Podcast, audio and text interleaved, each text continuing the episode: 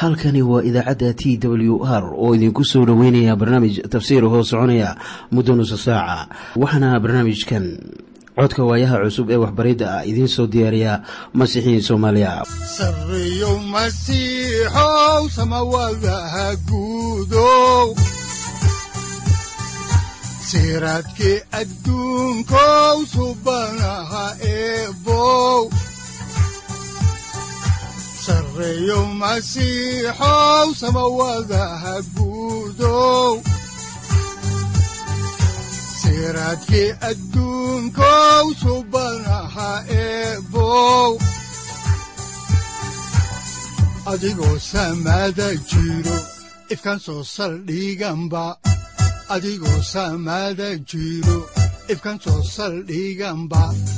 kutubtiisanaye udanogu saaciiday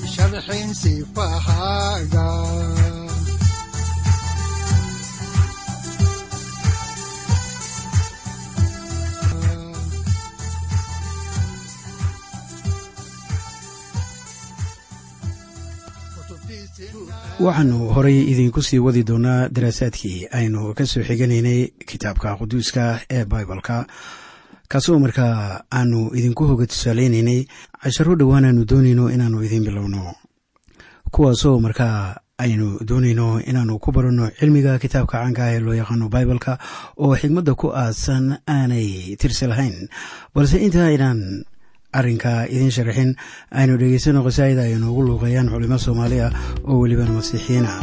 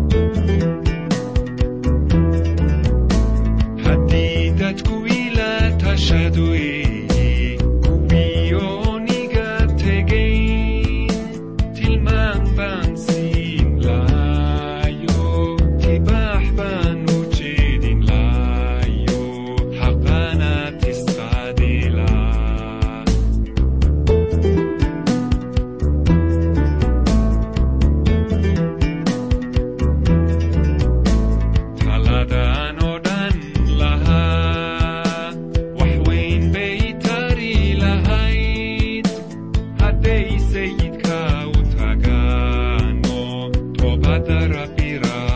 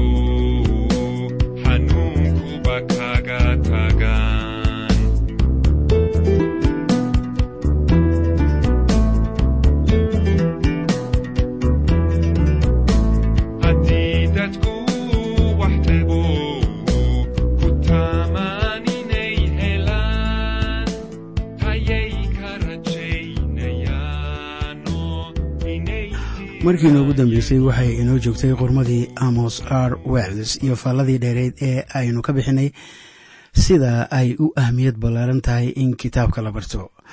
Waxaanan soo dhammaynay qodobka labaad ee khuseeyey in la akhriyo kitaabka. Waxaan qodobkaas kaga gudbaynaa haddaba kan saddexaadee leh in si baahsan loo barto kitaabka.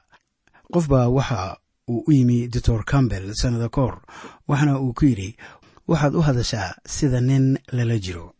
Doctoorka ayaa waxa uu ku jawaabay oo yidhi in qof lala jiro waxa ay ka macno tahay in boqolkiiba shan iyo sagaashan uu ku howshoodo akhriska kitaabka. Waxa uu ula jeedaa waa in loo dhididaa barashada. Markaas ayaad u ekaanaysaa buu leeyahay sida qof lala jiro ama loo waxyoodo bibaleka waxa uu tabanayaa in la barto waa inaan maanka ku hayno in ruuxa ilaah aanu ina baraynin shay ay tahay inaan baadi goobno ama daraasaad aynu ku samayno. Wakhti aan bare ama macallin ka ahaa kuliyad lagu barto bibaleka ayaa waxa aan macallin u ahaa arday aad u dhalinyar waxaa ka mid ahaa dhallinyarada kuwo quduus iska yaal ah. Markii aan wakhti la joogay ayaan aad u bartay oo haddaan runta ka hadlo markii hore innaba ma aanan fahmin iyaga quduusnimada wejigooda ka muuqata ayaa waxa ay dabooleysay jaahilnimada iyo marnaanta. Ka haysata hadalladii ilaah qaar ka mida xitaa ma ayaan akhrin jirin duruusta habeenka ka horreeya maalinta imtixaanka. Mar waliba waxa ay la iman jireen cudurdaar ah in ay ku mashquuleen shiro salaadeed ama howlo kale.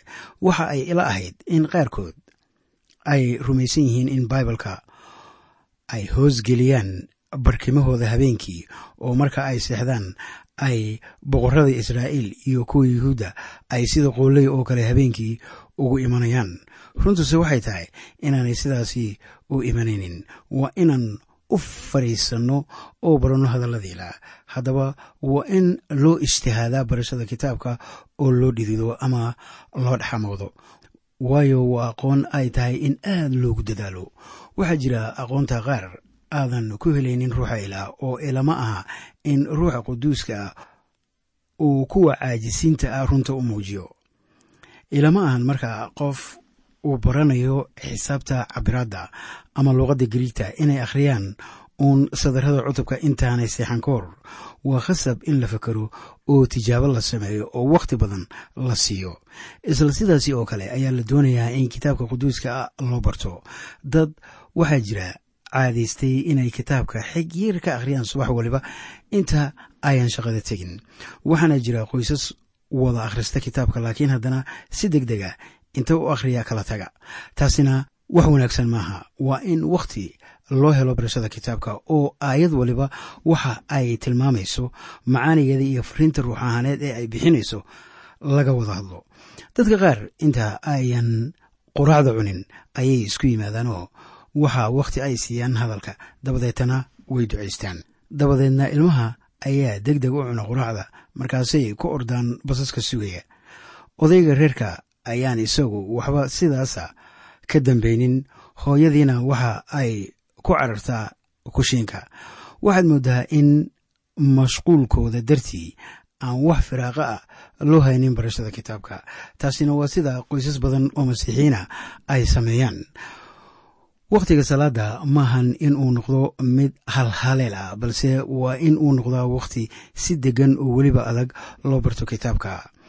Waxaa subaxda hore akhrisataa kitaabka waxaa kuwa subaxda hore akhrista kitaabka la mida kuwa habeenka akhrista oo lugna sariirta ay u saaran tahay lugna kitaabka ay ku akhriyayaan.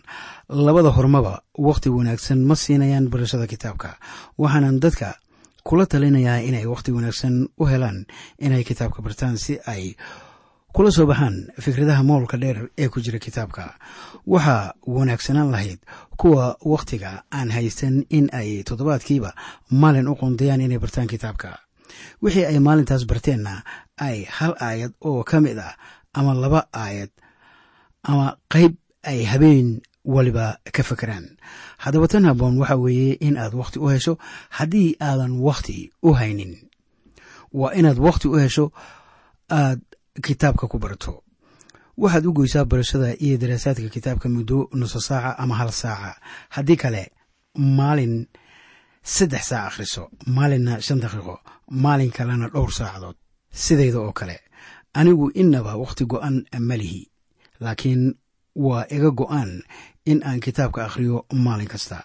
Qof kasta ee reerkaaga ka tirsan ku qalqaali in uu samaysto jadwalkiisa gaarka ah ee uu ku akhrisanayo kitaabka shakhsi ahaantooda dadka qaarkii waxa ay dareemaan in ay hal wakhti qaataan iyaga oo dhan taasina way wanaagsan tahay. Haddii ilaah idinku hogaamiyo inaad samaysaan laakiin waxaan ku xaqiijinayaa haddii aad sidaa yeesho inaadan wax sidaas ah ka baran karaynin kitaabka. Haddii kale waa in aad gaar u barato kitaabka jameecada kadib waxaa la yidhi ninkii john wesley ahaa waxa uu ahaa nin hal bug oo keliya lahaa. Maxaa haddaba ka dhigay nin hal bug oo keliya leh? Waxaa la yidhi wuxuu kitaabka akhrintiisa bilaabi jiray afarta subaxnimo iyo shanta subaxnimo wuxuu ku akhriyi jiray shan luuqadood oo kala duwan. Si aan caadi ahayn ayaa uu u bartay haddaba kitaabka. Aniga iyo adigana waanu baran karnaa haddaan dadaalkaas la nimaadno. Waayo waxaa loo baahan yahay in macnaha ama tafsiirka kitaabka la ogaado. Haddaba barashadu waa labo. Mid adiga ku dhaada ah iyo mid macalinka kuu kala sheegayo wixii aad garan weyso. Waxaase ahamiyaddu ay tahay inaanay kula noqon in aad kitaabka baran karto iyada oo aadan ku dadaalin barashadiisa iyadoo aadan ka fekerin waxa ilaah adiga kugu leeyahay. Waxa uu deriskaaga kaaga sheegayo waalidka kaaga sheegayo walaalaha kaaga sheegayo gabdhaha kaaga sheegayo masaakiinta kaaga sheegayo sharciga kaaga sheegayo caabudista kaaga sheegayo ilmahaaga kaaga sheegayo haddaad xaasla tahay. Xuquuqda xaaskaaga kaaga sheegayo ama kaa leeyahay xigmadda kaaga sheegayo iyo wax kasta ee kale ee lagu sameeyo qoraxda hoosteeda. Maadada haddaba saddexaadee ah in aad daraasaad ku samayso kitaabka waa arrin ahmiyaddeeda gaarka a leh. Maxaa wacay haddaan daraasaad lagu samaynin waxa uu ina farayo waan ka indhexirnaan karnaa. Si kale oo haddaba aad sidaa ku samayn karto ma lahan haddaadan himad ama qalbi u haynin. Dadka qaar baa sahashada barashada. Kuwa waxa ay la noqotaa inay yihiin owliyo waxyigu uu ku soo dego oo aan u baahnayn in ay isdhibaan. Waxa ay la tahay in lagu karaameeyey barashada kitaabka oo wax kasta ay bannaanka ka ogaan karaan. Taasina waa wax qofku isfahamsiiyo. Laakiin haddana aan inaba dhab ahayn. Dadka qaarna waxa ay u akhriyaan si ay ku joogteeyaan iimaanka. Marka waxa ay la tahay marba hadday masiixiyoobeen inaanba loo baahnayn akhriska kitaabka. Haddaba waxaanay garanaynin in nolosha masiixinimadu ay tahay mid maalinla ah. Qofka waxaa sii mayraya oo dembigii noloshiisa ka sii nadiifinaya marka uu ku dhex socdo nuurka hadallada ilaah si kalena loogu dhex socon maayo nuurka hadallada ilaah haddaan la akhriyin kitaabka oo aan weliba daraasaad lagu samaynin oo aan la dhuxin hadallada ilaah inuu leeyahay. Dhanka sharciga caabudista iyo fariimaha nabadeed. Sababtaas ayaa ka dhigaysa in hadalladii ilaah inoo noqdaan sida kuwo ina mayra waxaa maalin waliba ka hor yimaada shidooyin. Waxaa jawaab looga helaa hadba fahamka hadallada ilaah kaasiyo in la milicsado hadalka ilaah oo uu inagu soo gaaxo waa shay ilaah dadkiisa ugu talagalay.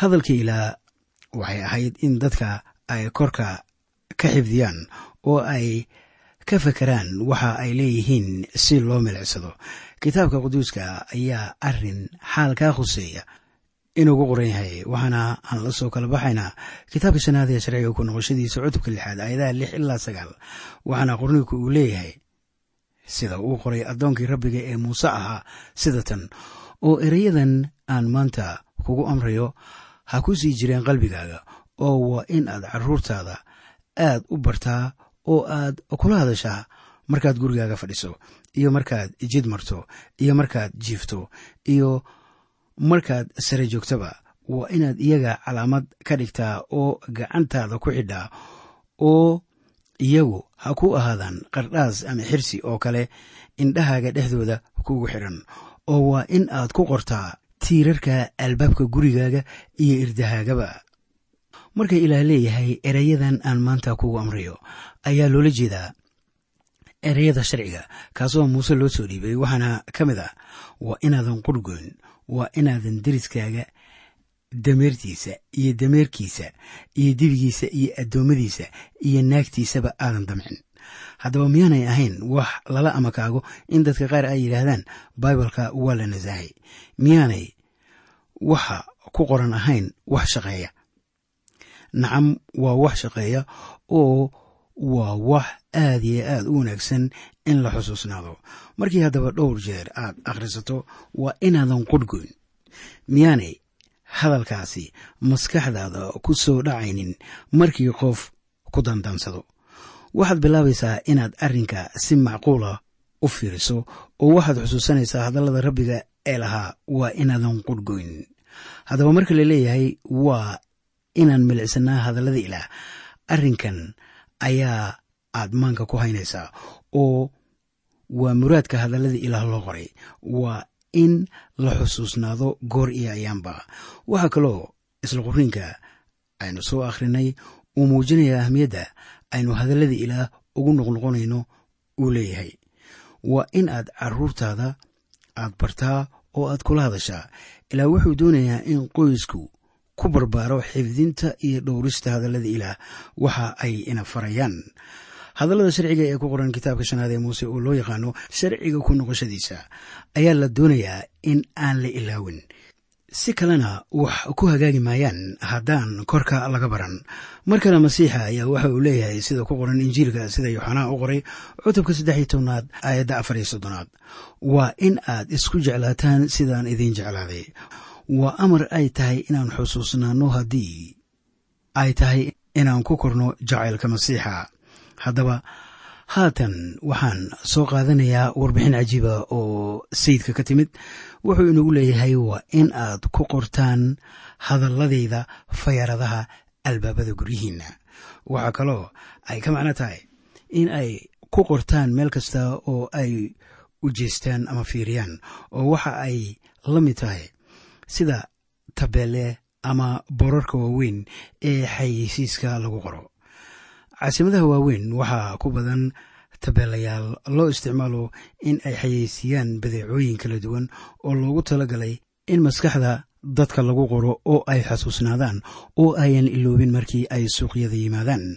Waxaa kaloo lagu xayeysiinayaa tabeelayaasha sigaarka iyo khamriga sababtaas aawadeed dadku ma iloobaan in ay soo iibsadaan sigaarka waayo waxaa xusuusinaya boorkaas weyn ee la dhigay caasimadda ilaah qalbiga dadka wuu garanayay. Sababtaas aawadeed ayuu u yidri waa in aad sharciga ku qortaan meel kasta sida fayaaradaha albaabadiinna waxaa kaloo ilaah doonayaa inaydan iloobin sharcigiisa iyo hadalladiisa si aynan isaga uga ambanin.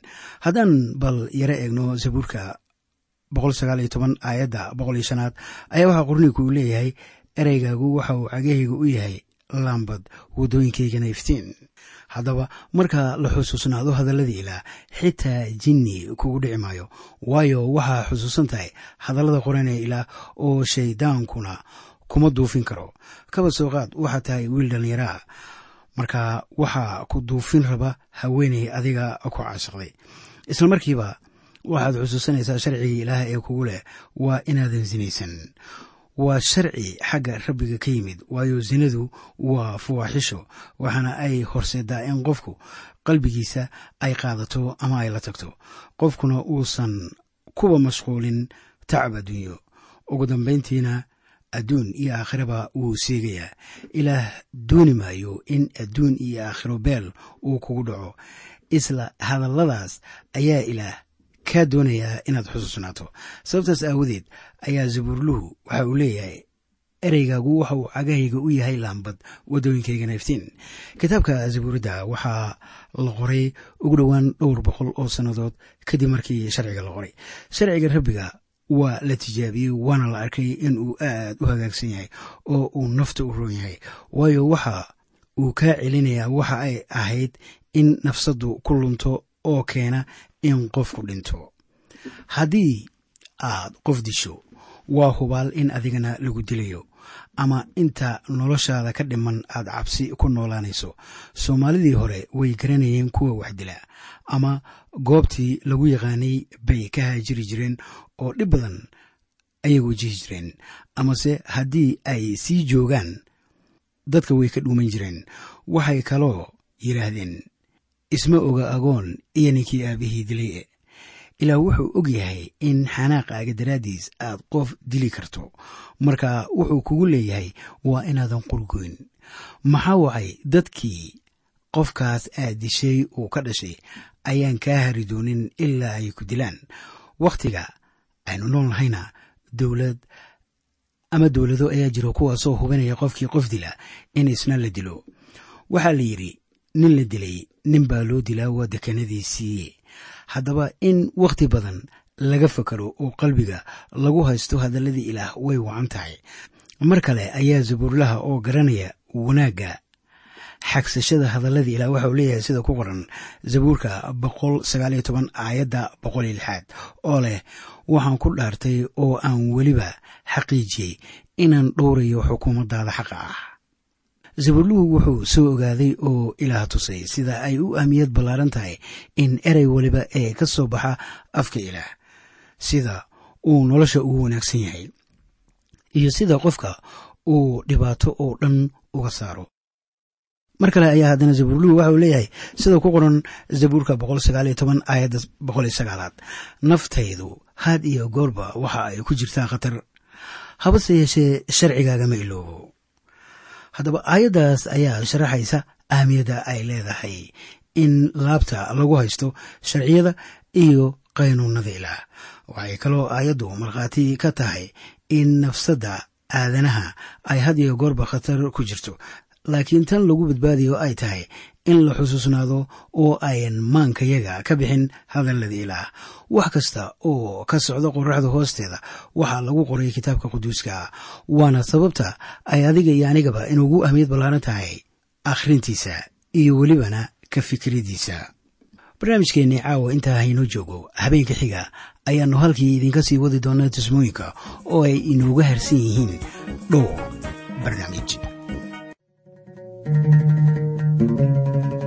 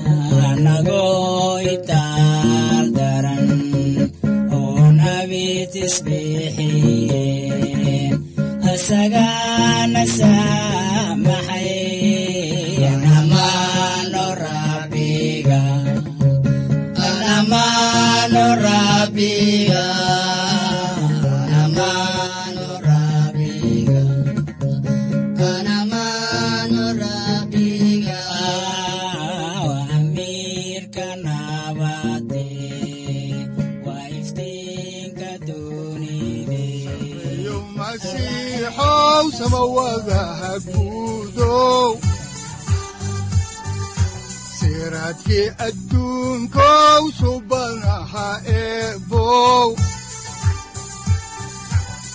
adigoo samada jiro ifkan soo saldhiganba adigoo jiro ifkan soo saldhiganba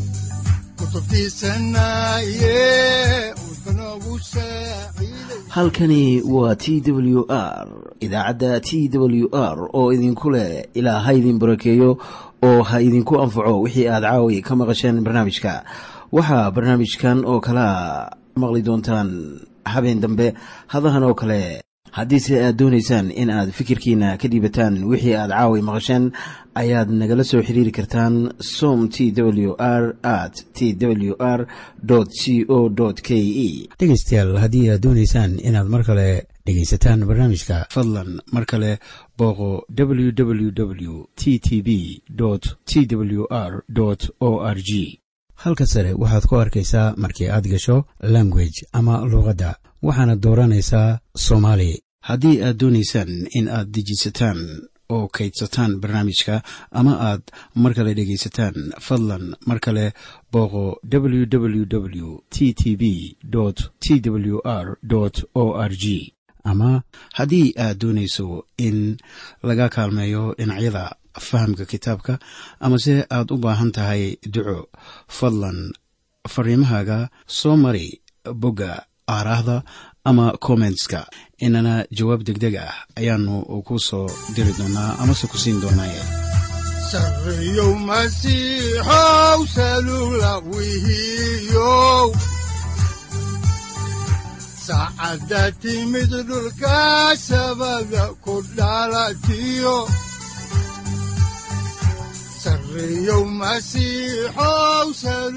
halkani waa t w r oo idiin rajaynaya habeen baraare iyo barwaaqaba leh inta aynu ka gaari doono wakhti aynu ku kulanno barnaamij la mida kan caawayay aad maqasheen waxa aan idinku leeyahay nabadda ciise masiix ha idinku badato xagga jirka iyo ruuxaba aamiin